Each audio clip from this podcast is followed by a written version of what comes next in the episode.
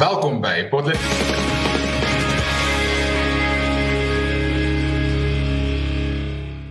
My naam is Paul Marits en saam met my in die ateljee is Daniel Elof en Erns van Sail. En in vandag se episode Cyril verbaas privaat krag opblaas en Afghanistan se nuwe baas. Wel Paul, maar miskien voor as nou in hierdie baie interessante uh, nuus inspring, moet ons eers net 'n bietjie eh, 'n uh, woord hierso op die skerm sit van ons goeie borg Bitwise. Uh Bitwise is 'n aanlyn Bitcoin platform en die enigste platform in Suid-Afrika wat vir jou volle eienaarskap en eie bewaring oor jou kriptogeld gee. Om deur Bitwise jou Bitcoin te koop is die veiligigste opsie en is teen volle staatsbestand. So word jy beskerm teen die regering se pogings om die geldeenheid te reguleer. Eenvoudig gestel, Bitwise sorg dat jou geld nie onteien kan word nie en Bitwise verskaf persoonlike dienste en hulp vir jou uh, om jou in staat te stel om eienaarskap oor jou finansies te neem. Bitwise bied ook die hoogste verwysingsfooi vir enige Bitcoin platform in Suid-Afrika en dis as hierdie alles vir jou klink soos iets wat vir jou waarna jy belangstel, kontak vir Bitwise vandag by www.bitwise.io om eienaarskap oor jou finansies te neem. Ja, baie dankie. Erns, uh, ek het duidelik nie die memorandum gekry dat ons vir haarsnye gaan hierdie week nie, so julle altyd lyk like netjies.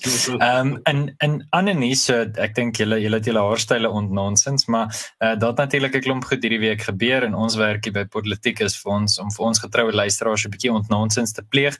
So Daniel, uh, Cyril is weer verbaas. Ja, en, en weer eens ons ons sê altyd altyd in politiek, ja, hierdie is een van daai stories wat ons nog heeltyd bespreek, maar hierdie is ook daarom maar wraggie saam met onteiening sonder vergoeding, saam met die ANC se se sosialisme een van daai uh, herhalende stories. Uh, en dis natuurlik die Zondo-kommissie en ons sit al wat in jaar 3 van die Zondo-kommissie en uh, dit lyk asof hy nou tot 'n einde kom. Hulle het nou vir uitstel gevra tot einde Oktober om hulle belangrike werk uh van die ontbloting van staatskap om klaar te maak. En die afgelope week was president Ramaphosa nou weer in die getuieboks. Uh interessant dit volg ook nou natuurlik nadat AfriForum 'n aansoek gebring het om vir president Ramaphosa te kry sonder vrae. Ek moet sê dit was nou nogals een van die interessanter instruksies wat ek op AfriForum ontvang het. En ehm um, ja, dit was 'n prettige dag daar in by die Sonderkommissie in die middestad van Johannesburg toe ons uh, namens AfriForum was. Langs die kort, ons is nie toegelaat om vir president Ramaphosa te ondervra nie, maar AfriForum is uitgenooi deur regter Zondo om vrae te rig aan aan president Ramaphosa deur die getuienispan wat ons toe nou gedoen het. En AfriForum fokus natuurlik spesifiek op die kaderontplooiings element. Cyril Ramaphosa was natuurlik die voorsitter van die ANC se kader deployings uh of ontplooingskomitee gewees vir 'n lang tyd. En ons weet dat hierdie kaderontplooiing het gelei of ten minste die mense wat 'n uh, staatskamer gepleeg het op die ouende in daai posisies ingekry. Die Brian Molefis die Dudu Moyenis van van uh, wat ons gesien het. So ja, dis Cyril Ramaphosa nou weer terug in die getuiebank. Hy het ge, getuig aanvanklik as president van Suid-Afrika en toe nou het hy getuig as ehm um, adjunkt uh, leier van die ANC en destyds se adjunkt leier van die ANC en adjunkt president van die land. En sy getuienis kan eintlik maar baie eenvoudig opgesom word. Hy het gesê aan die een kant dat wel ek het nie geweet van al hierdie verskriklike korrupsie wat plaasgevind het nie. Ek was nie daarvan bewus nie. Maar dan aan die ander kant, yes, presies. Maar aan die ander kant en in die sa presies dieselfde asem sê hy, maar julle moet net onthou, ek het doelbewus nie bedank van uit die geleedere van die ANC nie wat ek wou die korrupsie van binne af veg. Nou ek bedoel, ek dink dis redelik duidelik vir almal om te besef dat daai is 'n absolute teenstrydigheid. Jy kan nie sê aan die een kant is jy nie bewus van die korrupsie nie, maar aan op dieselfde in dieselfde asem sê ek het gebly om die korrupsie waarvan ek kwansyns nie bewus was te beveg nie. Nou dis letterlik president Ramaphosa se getuienis voor die sondekommissie opgesom. Ehm um, daar's allerlei goed wat hy gepraat het oor die einste Brian Molefe en die Gupta's en sy rol deur die hele ding en hulle het so bietjie geraak aan aan die kaderontplooiings aspek, maar op die ou ende dink ek hierdie ehm um, hele sondekommissie is maar net 'n poging om te sê, kyk, ons het die korrupsie aangespreek, kom ons beweeg nou aan kom ons bou nou hierdie nuwe Suid-Afrika wat Cyril uh, wil hê en op die einde dink ek gaan daar nie regtig enige gevolge van uit die kommissie uitvloei nie. Van my kant af is daar al vier punte wat ek vinnig net wil noem. Jy weet, ten sterkste aangesluit natuurlik by by dit wat jy sê Daniel. Ek dink vir vir die luisteraar en die kyker daar buite is dit baie belangrik om die vergelyking te tref tussen president Zuma uh, en president uh, oud president Zuma en president Ramaphosa se verskillende benaderings hiertoe. Um president Ramaphosa het gegaan en die narratief geskep uh deurdat daar geen weerspraak is nie, het hy uiteindelik die enigste stem geword. As 'n mens jouself indink, uh jou ma kom by die huis en iets is gebreek. Jy weet, een kind sê dit was die een uh, een boetie, ander kind sê dit was die ander boetie geweest. Nou ons ons al ons al drie het 'n boetie. Ehm um, toevallig het ons al drie 'n jonger boetie, so dit was seker altyd hulle skuld geweest, nê. Nee. Maar ehm um, Die die die punt is as niemand anders praat nie, dan is dit wat jy gesê het die enigste moontlike waarheid. So ons sal sien in onderdrukkende regimes word enige mediavryheid onderdruk. Hoekom? Want die stem van die regering word die enigste stem. Nou, ek dink president Zuma het 'n groot voetfout ondergaan. Ek dink, jy weet, ehm um, natuurlik hierdie gedagte van oproerigheid kon dalk 'n ander uitslag gehad het, maar dit het nie.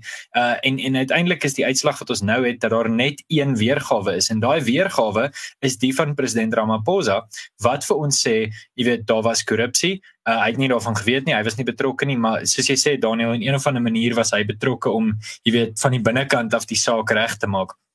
Jy weet dit is uh, as mense sê, as jy vir mense sê, maar jy weet, ehm um, jy weet hoekom hoekom wil jy dalk ryk wees? En sê nee ek wil ryk wees sodat ek die wêreld kan verander. Jy weet dit is ek wil dit nie myself doen nie. Ek wil dit doen om die wêreld te verbeter. Is so ietsie nê. Hy het nie adjunk president gebly uh, omdat hy wou nie. Hy het gebly omdat hy moes. Okay en hy's weer eens verbaas. So dit dit bring my by by tweede gedagte en dit is dat ek dink president Ramaphosa is meer uitgeslaap as wat ons besef. Hy het baie meer mag aan die ANC alhoewel die ANC se posisie verswak het na my mening ek dink baie meer mense sien deur die ANC baie meer mense besef dat hulle ehm um, hulle hulle autonomie oor geweld verloor het en besef dat hulle nie die mense is wat jou gaan beskerm as iemand jou huis of jou winkel bestorm nie. En so in daai opsig dink ek die ANC se posisie in die in die oog van die algemene landsburger het verswak, maar ek dink binne die ANC het president Ramaphosa se posisie versterk. Ehm um, ek dink sy aanvanklike verkiesing was natuurlik baie naby in 2017, die berigte CR17 veldtog, maar verder as dit sien ons nou dat hy baie meer het as net hierdie amper amper se oorwinning. Hy's amper nou die ehm um, jy weet jy kan amper sê die de facto patriarg van die ANC. Mense kan sien hoe hy begin om premiers te vervang. Hy het hierdie week natuurlik die premier van die Noordwes provinsie vervang en die sogenaamde premierliga speel 'n belangrike rol. So ek dink vir jou as kyker uh, en as luisteraar en en vir ons al drie hierso, dis baie interessant om te besef dat Ramaphosa eintlik 'n langtermynspel gespeel het en dit was nie noodwendig so seer om Suid-Afrika se nuwe dageraad of nuwe dageraad daar te stel nie. Dit was dalk eerder om mag binne die ANC te konsolideer. Dan uh, hy sê hy's verbaas en ons weet dit dis die beste moontlike reaksie. Weereens as daar enige ander stemme was wat gesê het nee maar hy het geweet hiervan en hy moes geweet daarvan en hoe anders kon hy nie geweet het dat kaders ontplooi is in hierdie posisies nie. Dit was fisies sy werk, sy posbeskrywing. Maar goed, om te sê hy's verbaas vir onskuldig om natuurlik. En ek dink die naïewe mense wat wil glo in die beste weergawe van 'n uh, Cyril Ramaphosa word daardeur amper bevestig en sê maar kyk hy is die goeie ou. Ongelukkig baie Afrikaanse uh, hoofstroom media natuurlik ook. En uh, dit bring ons uiteindelik by die punt wat hy maar net homself verontskuldig. So uh ja, uh, vir vir my dink ek dit was eintlik redelik voorspelbaar, maar as mens na die fynere draadwerk gaan kyk, 'n uh, slim taktiese skuif van Cyril Ramaphosa. Wel, uh, ek het ook hierdie week iets agtergekom uh, met baie van hierdie onthullings of eintlik ehm um, die afwesigheid van baie onthullings.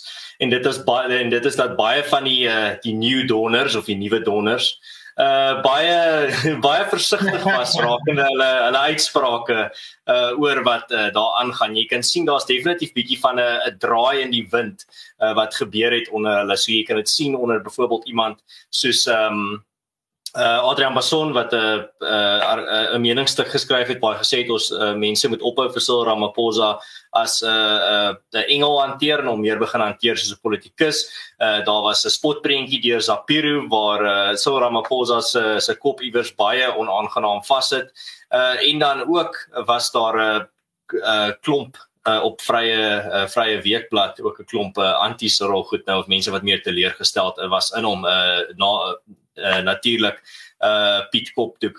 So wat interessant was wat ek nou hier gesien het is die feit dat dit lyk my dat miskien is die uh, realiteit besig om uh, te breek op baie van hierdie uh, mense wat vir ons Ramaphosa uh, verkoop het. Baie van hierdie mense wat vir ons gesê het maar vertrou net vir Cyril Cyril kort net meer tyd. Hy is ons ou hy gaan vir ons red. Hy's nie soos 'n uh, uh, Jacob Zuma nie. Hy gaan die ANC weer op die regte pad kry. Julle is almal maar net uh, sinies en pessimisties of rassisties uh, wat nou vir hom aanval en sê hy's uh, alles wat fout is en daar's nog niks wat reg verander het nie.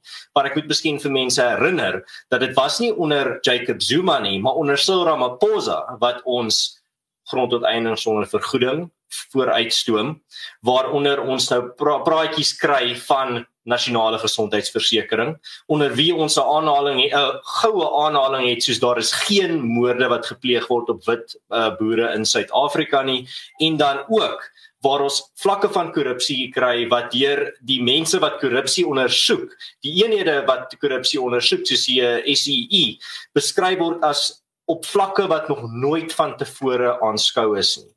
So en natuurlik, hoe kan ons vergeet, ehm um, ook onder Cyril Ramaphosa se administrasie waar was ons uh, minister van gesondheid gedurende 'n pandemie uh moes hy uit die pad uit staan omdat daar baie ernstige ehm um, korrupsie klagtes teen hom gelê is of ehm um, uh, dit lyk my hy het ook bietjie deelgeneem aan die plundery en net in 'n ander vorm.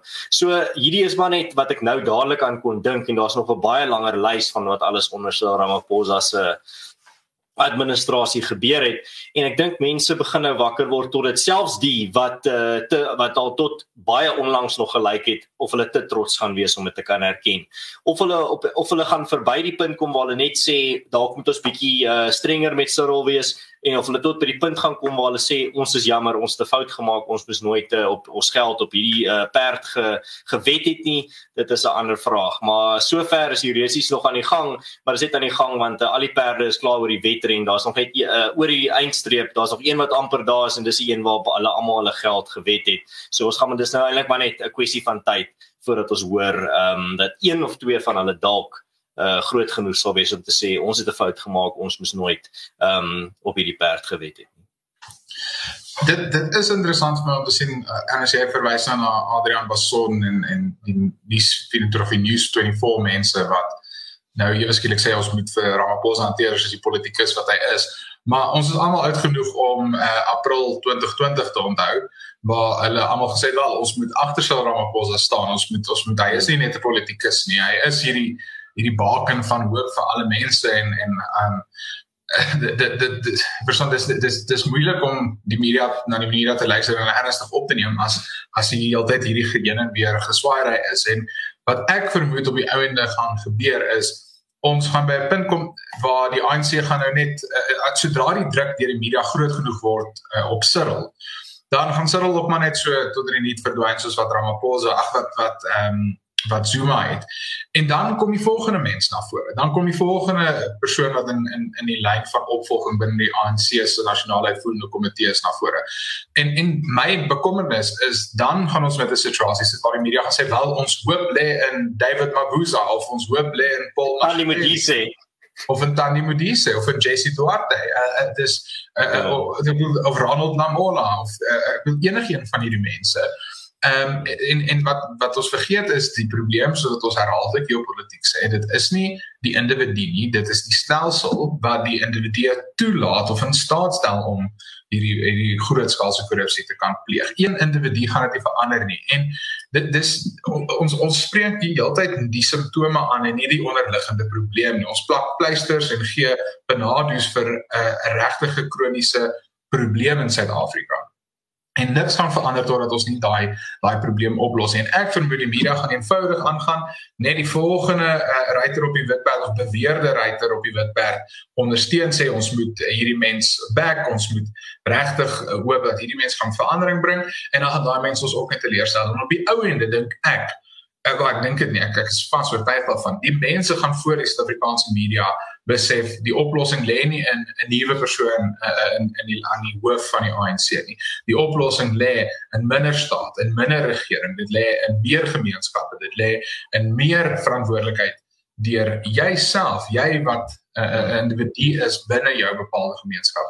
Um, ja. En en niks gaan verander voordat uh, wel die media gaan dit nie besef nie. Dit hulle gaan so half na die tyd kom en sê, "O, oh, ja, kyk, uh, dit is so wonderlik, maar dan uh, is die koel hopelik deur die kerk en hmm. en het ons regtig al klaar behoorlike verandering teweeggebring. Ja, mense moet net besef dat uh, ons oorleef teen spyte van die regering nie te danke aan hulle nie.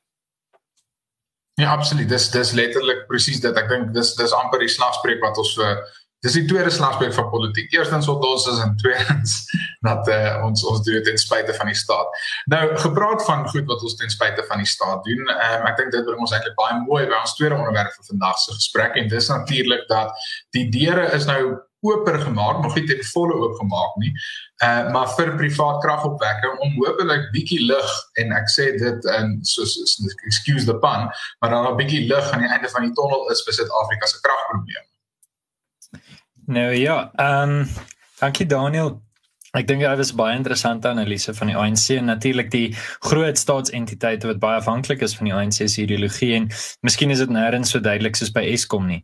Ehm um, goed.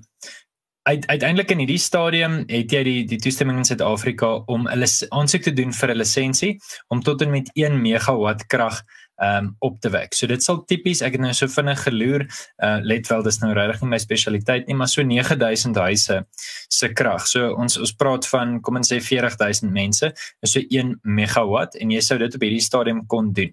Nou uh ons het eintlik oor hierdie storie gepraat op politiek so ruk terug. Ek vermoed dit was eers in April of Mei dat uh Guedemantash minister van uh energie as ek reg is besig is om 'n voorstel daar te stel om dit op te stoot na 100 megawatt toe dat jy kan aansoek doen by die nasionale energiereguleerder vir 'n lisensie om tot en met 100 megawatt uh, privaat op te wek. Nou wat beteken dit? Wel 100 megawatt volgens Eskom is genoeg om uh groterige dorpe en klein stede soos Nelspruit en Kimberley te onderhou. So dit sou effektief die die weg baan vir 'n dorp so Stellenbosch om sy eie krag te voorsien in watter ook al manier.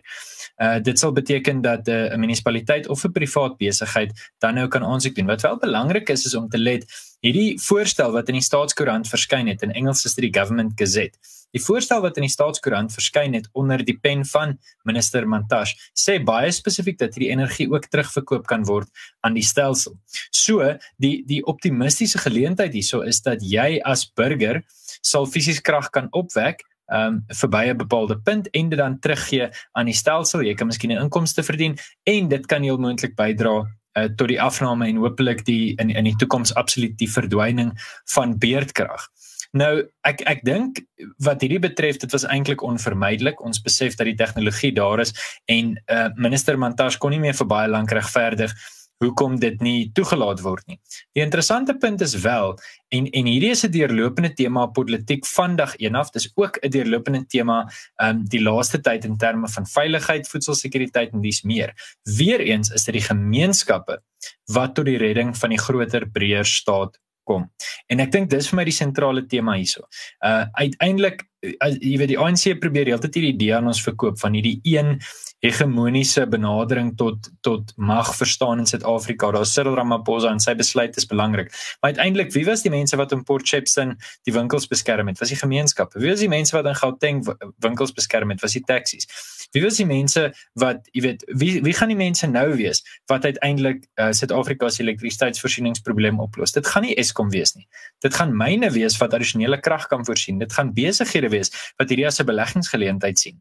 Ehm um, nou hoop mense nie dat daar allerlei drakoniese wetgewing is waaraan besighede moet voldoen voordat hulle hierdie mark kan betree nie. Maar daar is ten minste dit is ten minste 'n stap in die regte rigting. Ek stem saam, wel ek dink dit is 'n stap in die regte rigting en hoe ek dit sien is ek ek weet dis ons sê maar dit is nou nog net beperk, is net 100 megawatt. Ehm um, en ons steeds verstaan dis ons sit ons steeds met die probleem nou die regering kan dit net so maklik wegvat. Maar on, ons praat ook gereeld hier op politiek van die hele konsep van losstorm, 'n uh, inkrementele verandering. Hierdie is is 'n stapie, 'n eerste stapie uh na inkrementele verandering wat ons wil sien. Ek wil op die ou ende wil mense hê dan moet geen van hierdie tipe uh beperkings wees of of hierdie ehm um, vereistes wees nie. Mense behoort te kan doen en gemeenskappe behoort te kan doen wat hulle wil. En dis dis meer dis selfs van 'n groter belang nie noodwendig net vir 'n individu nie. Ek ons kon al klaar sonpanele op ons dakke gesit het. Baie mense kon al klaar redelik onafhanklik gewees het. Groot maatskappye het het al groen tegnologie uh, half uh, uh, ingebring. Maar die probleem is groen tegnologie op sy eie is nie die oplossing nie. Dit dit gaan nie vir die hele land krag voorsien nie. Maar wat hierdie geleentheid doen uh, of hierdie nuwe lisensies of of eintlik die kwytskalling, uh, jy hoef nou nie aansoek te doen vir 'n lisensie as jy minder as 100 megawatt opwek nie. Is jy hoef net dis jy's nie net beperk tot dit nie. Jy kan 'n uh, 'n 'n 'n ander aanleg wat byvoorbeeld steenkool gebruik wat onderaan kapasiteit is nou oprig en die deure wat dit oopmaak ehm um, is is jy kan dit is nie net vir individuele huishoudings nie. Nou kan 'n groot maatskappy soos Amazon inkom en besluit wel hulle wil hierdie krag opwek. Ehm um, en hulle wil die hele dorp se krag voorsien. Dit uh, maak die deure oop vir munisipaliteite, dit maak die deure oop vir provinsiale regerings en weer eens om weer aan te sluit by my aanvanklike punt. Dit maak die geleentheid oop dat oor 2 of 3 jaar kan ons die gesprek hê oor wel hoekom is daar enigstens 'n beperking? Hoekom net 100 megawatt kan dit nie net absoluut uh, oop wees vir enigiemand nie? En ek dink dis die die die silwer randjie wat ons hier moet sien. Ons moet nie net vaskyk aan aan die probleme wat daar nog steeds is nie want dit is so. Daar is nog steeds probleme. Dit is nie die die finale ek wil nie sê die finale oplossing nie. Dit klink verskriklik.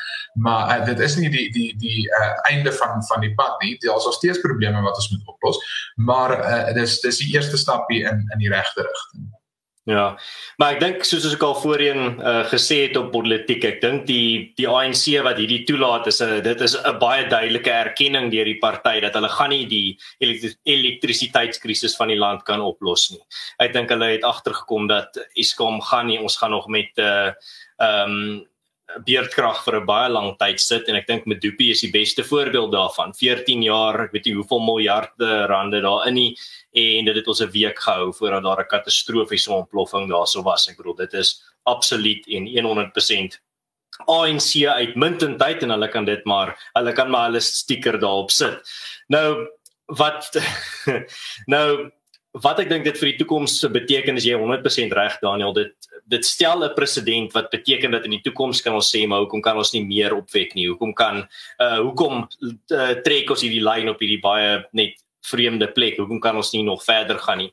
En ek dink regtig daar gaan latere tyd kom as uh, Suid-Afrika op die pad aanhou gaan wat dit tans is rakende energie en kragopwekking gaan dan net 'n tyd kom wanneer uh, mense gaan begin sê maar ek gaan begin om my eie krag op te wek en ek ek gee nie regtig om wat die regering gaan doen nie hulle kan in elk geval nie ons almal uh, reguleer of aan ons almal se deure kom klop nie net soos baie net soos wat mense met e-tolls gedoen het so uh, ek dink dit is die voorland vir Suid-Afrika al hoe meer geprivatiseerde kragopwekking en ook al hoe meer uh, staatsbestande kragopwekking wat ons al baie van sien. Nou uh, soos van die mense in ons kommentaar ook klaar gesê het, uh, alle groen energie, alles groen energie is nou nie die die oplossing nie, maar daar is definitief aller uh, groot hoeveelheid opsies wat mense het om van te kies. Um, en ek dit gaan baie interessant wees hoe Suid-Afrikaners hulle hulle energieprobleme vir die toekoms uh gaan oplos en ek dink dit is absoluut in die hande van die privaat sektor en van gemeenskappe. Ja, baie vlugtig. Ek ek dink altyd van julle se uitbreidings op die tema is is baie raak. Uh Daniel, ek hou veral van jou gedagte dat hierdie eintlik maar net 'n stap is na 'n breër uh oop te toe en erns ek stem ten volle saam dat mense hierdie, jy weet, privaat kragopwekking amper as die toekoms gaan sien. En dit bring ons terug by die vraag, ek meen by politiek is ons sentrale fokus gedurig maar die staat en sy rol en die werk wat hy doen en so aan. En uh dit sal, jy weet, uiteindelik wonderlik wees. Ek selfs in eerste wêreld lande waar die staat regtig sy werk doen, dit wat jy in 'n definisie van 'n woordeboek sal lees sy werk is. Selfs in daai lande is krag gedesentraliseer. Dit was net 'n kwessie van tyd.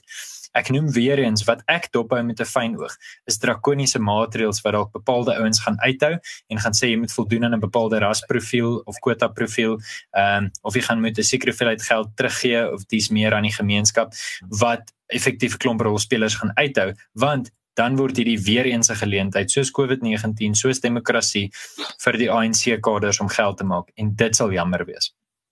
Hmm. Ja, Paul, ekskuus, net 'n laaste dag jy praat van die desentralisering en en dat in ander lande ehm um, hoe dit daar werk. Ek is interessant natuurlik, daar was mos 'n jaar of 2 jaar terug sprake van om om Eskom op te breek in drie bene. Dis dis kragopwekking, kragverspreiding en transmissie. Ehm um, en ek dink die, die, die ek het ek het toevallig so 2 jaar terug 'n konsultasie gehad met ehm um, ek het dit al politiek genoem, die man wat verantwoordelik was vir hy's by was hy's nou nie meer by Eskom nie, so jaar terug het hy afgetree. Maar hy het besluit wie kry wanneer beerdkrag. Hy die hele netwerk probeer balanseer. En ehm um, was hy die ou wat die knoppie gedruk het as jou krag afgaan? Letterlik, hy was die ou wat die knoppie gedruk het wat jou krag afgesit en besluit het wanneer. En en wat so interessant was met dit is ek het altyd gedink wel kragopwekking is baie eenvoudig. Laat dit privatiseer, dis die oplossing, maar dit is ongelukkig nie so eenvoudig nie. Jy kort 'n tipe van 'n sentrale beheer veral oor uh, uh, die die transmissie deel daarvan, maar die verspreiding moet uh, egalig wees en ons allerlei tegniese vereistes. Maar die die punt is met die opwekking is dit baie maklik. Dit kan gedesentraliseer wees. Dit iemand kan vir homself krag opwek. Dis heeltemal moontlik. Ehm um, en en dit is dit is 'n stap in die regte rigting en dit is dit is vir my baie baie bemoedigend. Nou goed, uh, kom ons gesels dan gerus oor die laaste onderwerp vir vandag se politieke episode en dis natuurlik die verskriklike tonele wat ons in Afghanistan hierdie afgelope week gesien het. Ja, wat ons nou hierdie week gesien het is uh, na 20 jaar uh, wat Amerika nou teen volle onttrek het uit die begrafplaas van Ryke en dit was nie 'n uh, 'n baie uh, vreedsame onttrekking of 'n baie suksesvolle een nie. Dit was een wat gemerk was deur absolute chaos, deur talle mense wat dood is en deur die Taliban wat vir Afghanistan oorgevat het en hierdie is maar net weer eens uh, wat ons hierso sien is 'n nasiebou eksperiment wat nie gewerk het nie. Amerika was daar vir 20 jaar al het triljoene op triljoene dollars in die land ingepomp om 'n liberale demokrasie te probeer stig en die oomblik wat hulle weg is, toe uh, val alles weer uitmekaar uit. Ehm um, soos om 'n sandkasteel te bou en dan begin dit reën. Ehm um, en ongelukkig wat ons nou hier sou sien is dat die land is nou in ongelooflike onsekerheid en geweld ingedompel en uh, die ouens wat nou in beheer is is nie die goeie ouens nie. Ons nou daar's 'n uh, debat oor of ja, Amerikaners nou die goeie ouens was. Maar as dit kom by die Taliban is hierdie is 'n baie ekstreme organisasie. Dit is nie ouens wat rondspeel nie. Dis nie ouens wat uh, onderhandel nie. Ehm um, maar gepraat van onderhandeling, daar's ook 'n interessante feit wat ek dink mense van bewus moet wees en dit is dat terwyl die Biden administrasie uh, probeer uitdink oor hoe hulle die skuld vir die onttrekkingsramp op Trump gaan laai, moet mense onthou dat die Taliban het eers uh, die wapenstil uh, wapenstilstand wat uh, ooreengekom was met Trump of met met Trump geonderhandel was uh, verbreek nadat Biden uh, die sperdatum van Mei wat Trump onderhandel het vir onttrekking uitgestoot het wat uitdruklik en jy kan sien hierdie uh, wys dat dit was hy hierdie uitstoting van die datum van onttrekking is uitdruklik bedoel om uh, die onttrekking Biden se eie oorwinning te maak sodat hy krediet daarvoor kan vat. En uh, wat dit toe op die ou end gedoen het is dat uh, eers nadat uh die wapenstilstand gebreek is na Mei wanneer uh wanneer die wapen uh stilstand op uh, uh geonderhandel was uh het die Taliban begin uh nader beweeg aan Kabul aan die aan die hoofstad en begin om klein dorpies oor te neem en eintlik vir Afghanistan oor te neem. So wat hulle daar eintlik gesien het was ehm um, hulle het eintlik maar Biden se se eie ego uitgebuit uh, om op die ou en die hele land oor te vat en nou is daar nie eens meer 'n wapenstilstand nie. Nou is hulle in beheer van die hele land en die uh, vorige president is weggejaag en uh, daar's absolute onsekerheid van die toekoms. So ek dink die die term hier om dit te beskryf is maar net weer 'n 'n eksperiment wat uh, gefaal het.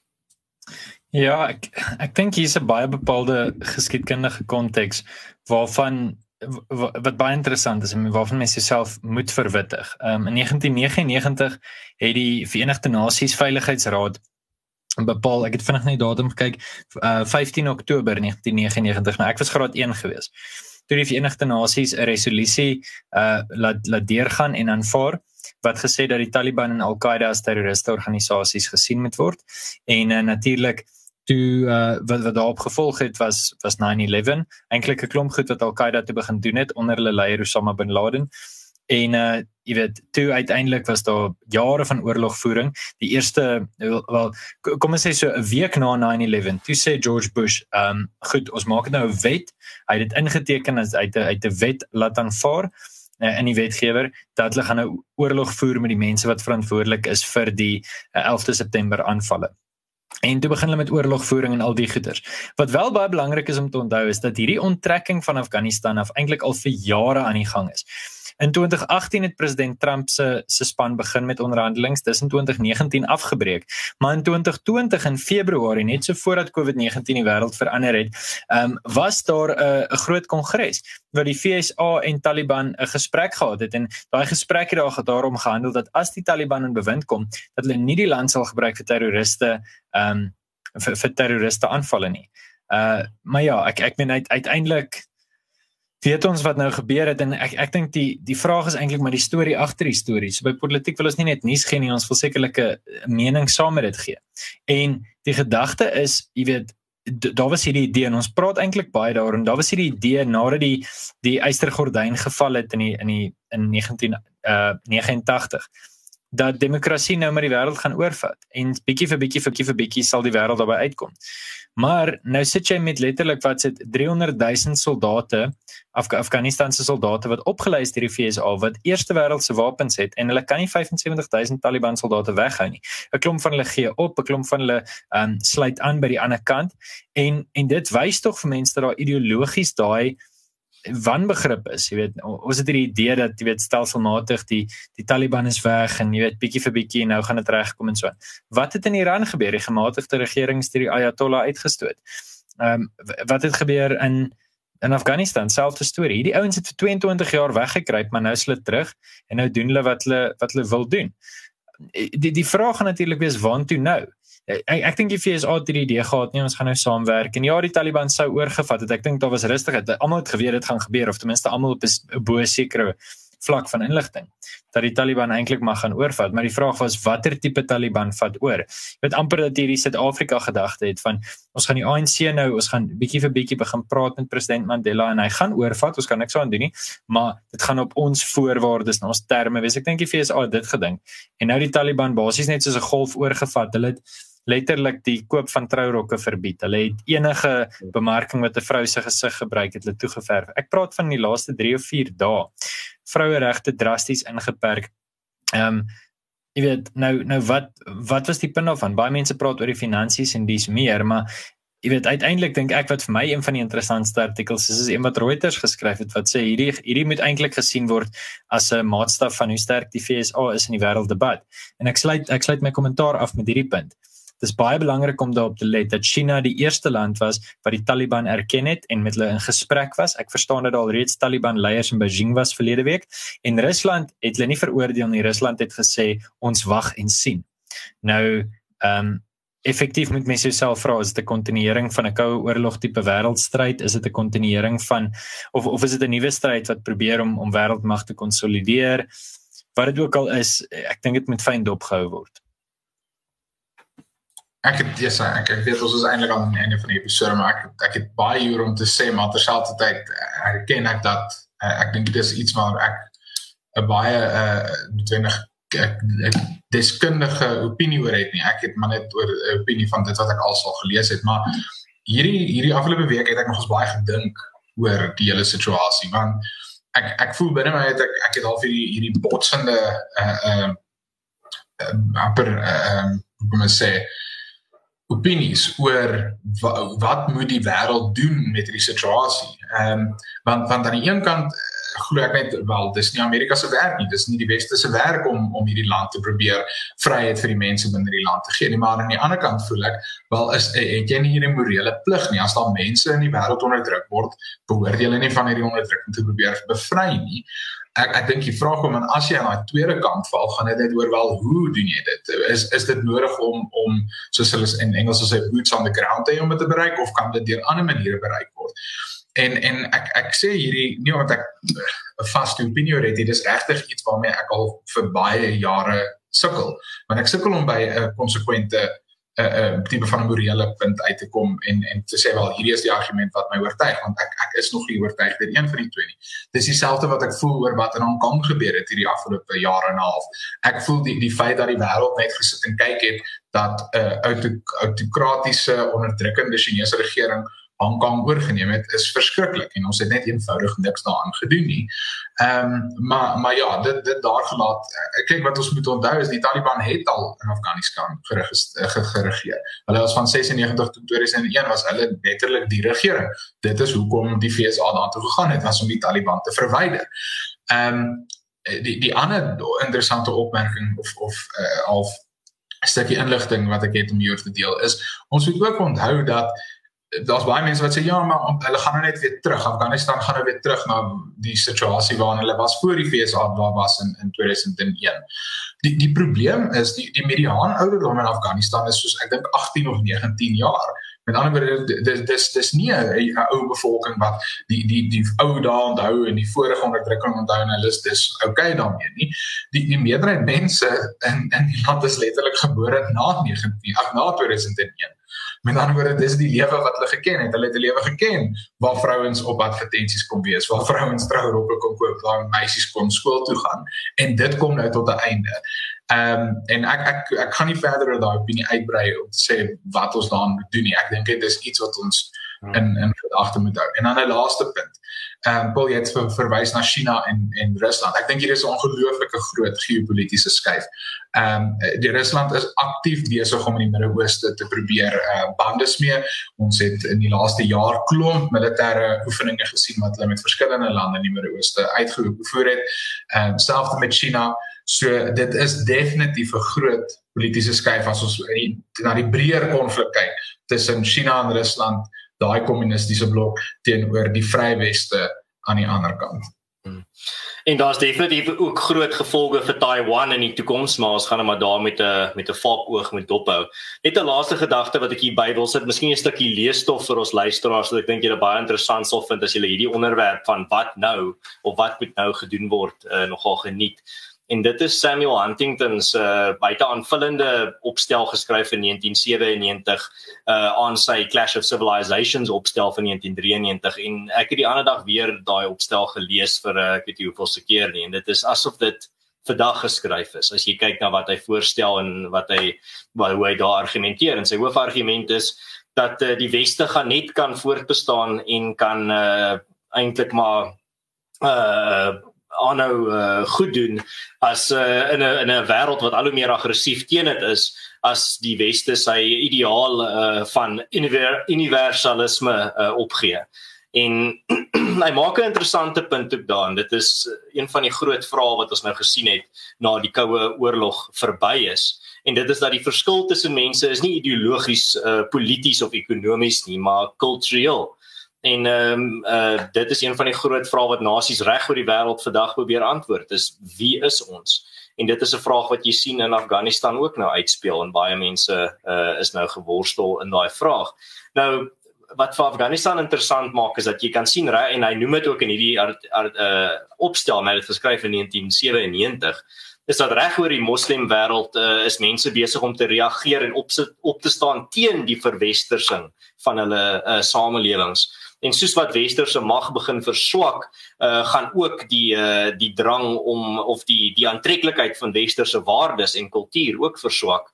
Um met meeste van die wêreld wat gaan moderniseer, maar nie noodwendig westers word nie. Um en dit is wat ons sien uh, in Afghanistan ook, is die feit dat uh, uh rakende uh, westerse kultuur is dat dit is nou weer 'n terug. Dit is nie 'n stap vorentoe na verwestersing nie. Dit is 'n stap terug na eintlik meer uh oudtydse waardes en oudtydse wêreld uitkyke wat nou weer oorheers. Maar die feit wat daar bly staan is dat op die ou end is uh imperialisme no nodig uh om uh universele drome uit te voer. Nou universele drome is wat ons nou gesien het uh, in Amerika se eksperiment van ons kan liberale demokrasie se saadjies oral oor die wêreld plant en dan groei daar 'n liberale demokrasie oral uit wat gesond is en wat voortleef. Maar wat die harde realiteit is is dat daai liberale demokrasie bestaan net solank as wat uh, daar Amerikaanse troepe in daai land is. Sodra die Amerikaanse troepe dit verlaat, dan verval die uh die land, die nasies wat hulle gebou het en aanhalingstekens ook saam met dit.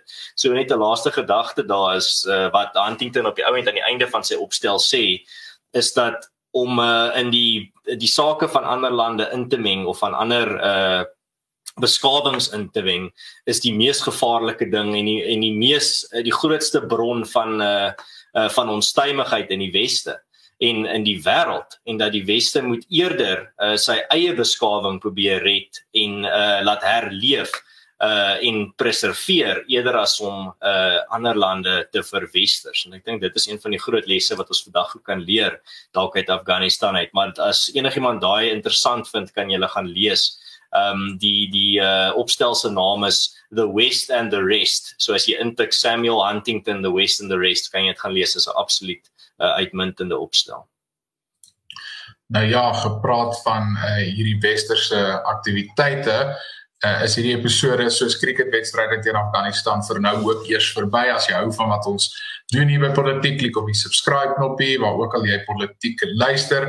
Ons nou natuurlik ook uit onsself te ontdonsens die gesprek voort te sit in die kommentaar afdeling. Ons waardeer almal wat elke week saam met ons lekker aktief gesels beide in die kommentaar afdelings van YouTube en op ons Telegram groep. As jy nog nie het, sluit aan by ons Telegram groep. Die politiek gemeenskap daar groei ook heerlik en is vir ons lekker om julle terugvoer daar te ontvang. Uh, jy kan ook vir ons natuurlik 'n resensie los met jou klagtes en gedagtes en dan natuurlik laastens as jy vir politiek wil ondersteun, ondersteun ons wonderlike borgers Bitwise. Ehm um, as jy van politiek hou, dan moet jy van Bitwise hou en as jy vir Bitwise ondersteun, dan ondersteun jy ook vir politiek. Ons waardeer almal wat elke week inskakel om saam met ons die week se nuus te ontnonsens. Ons sien julle dan weer volgende Woensdag.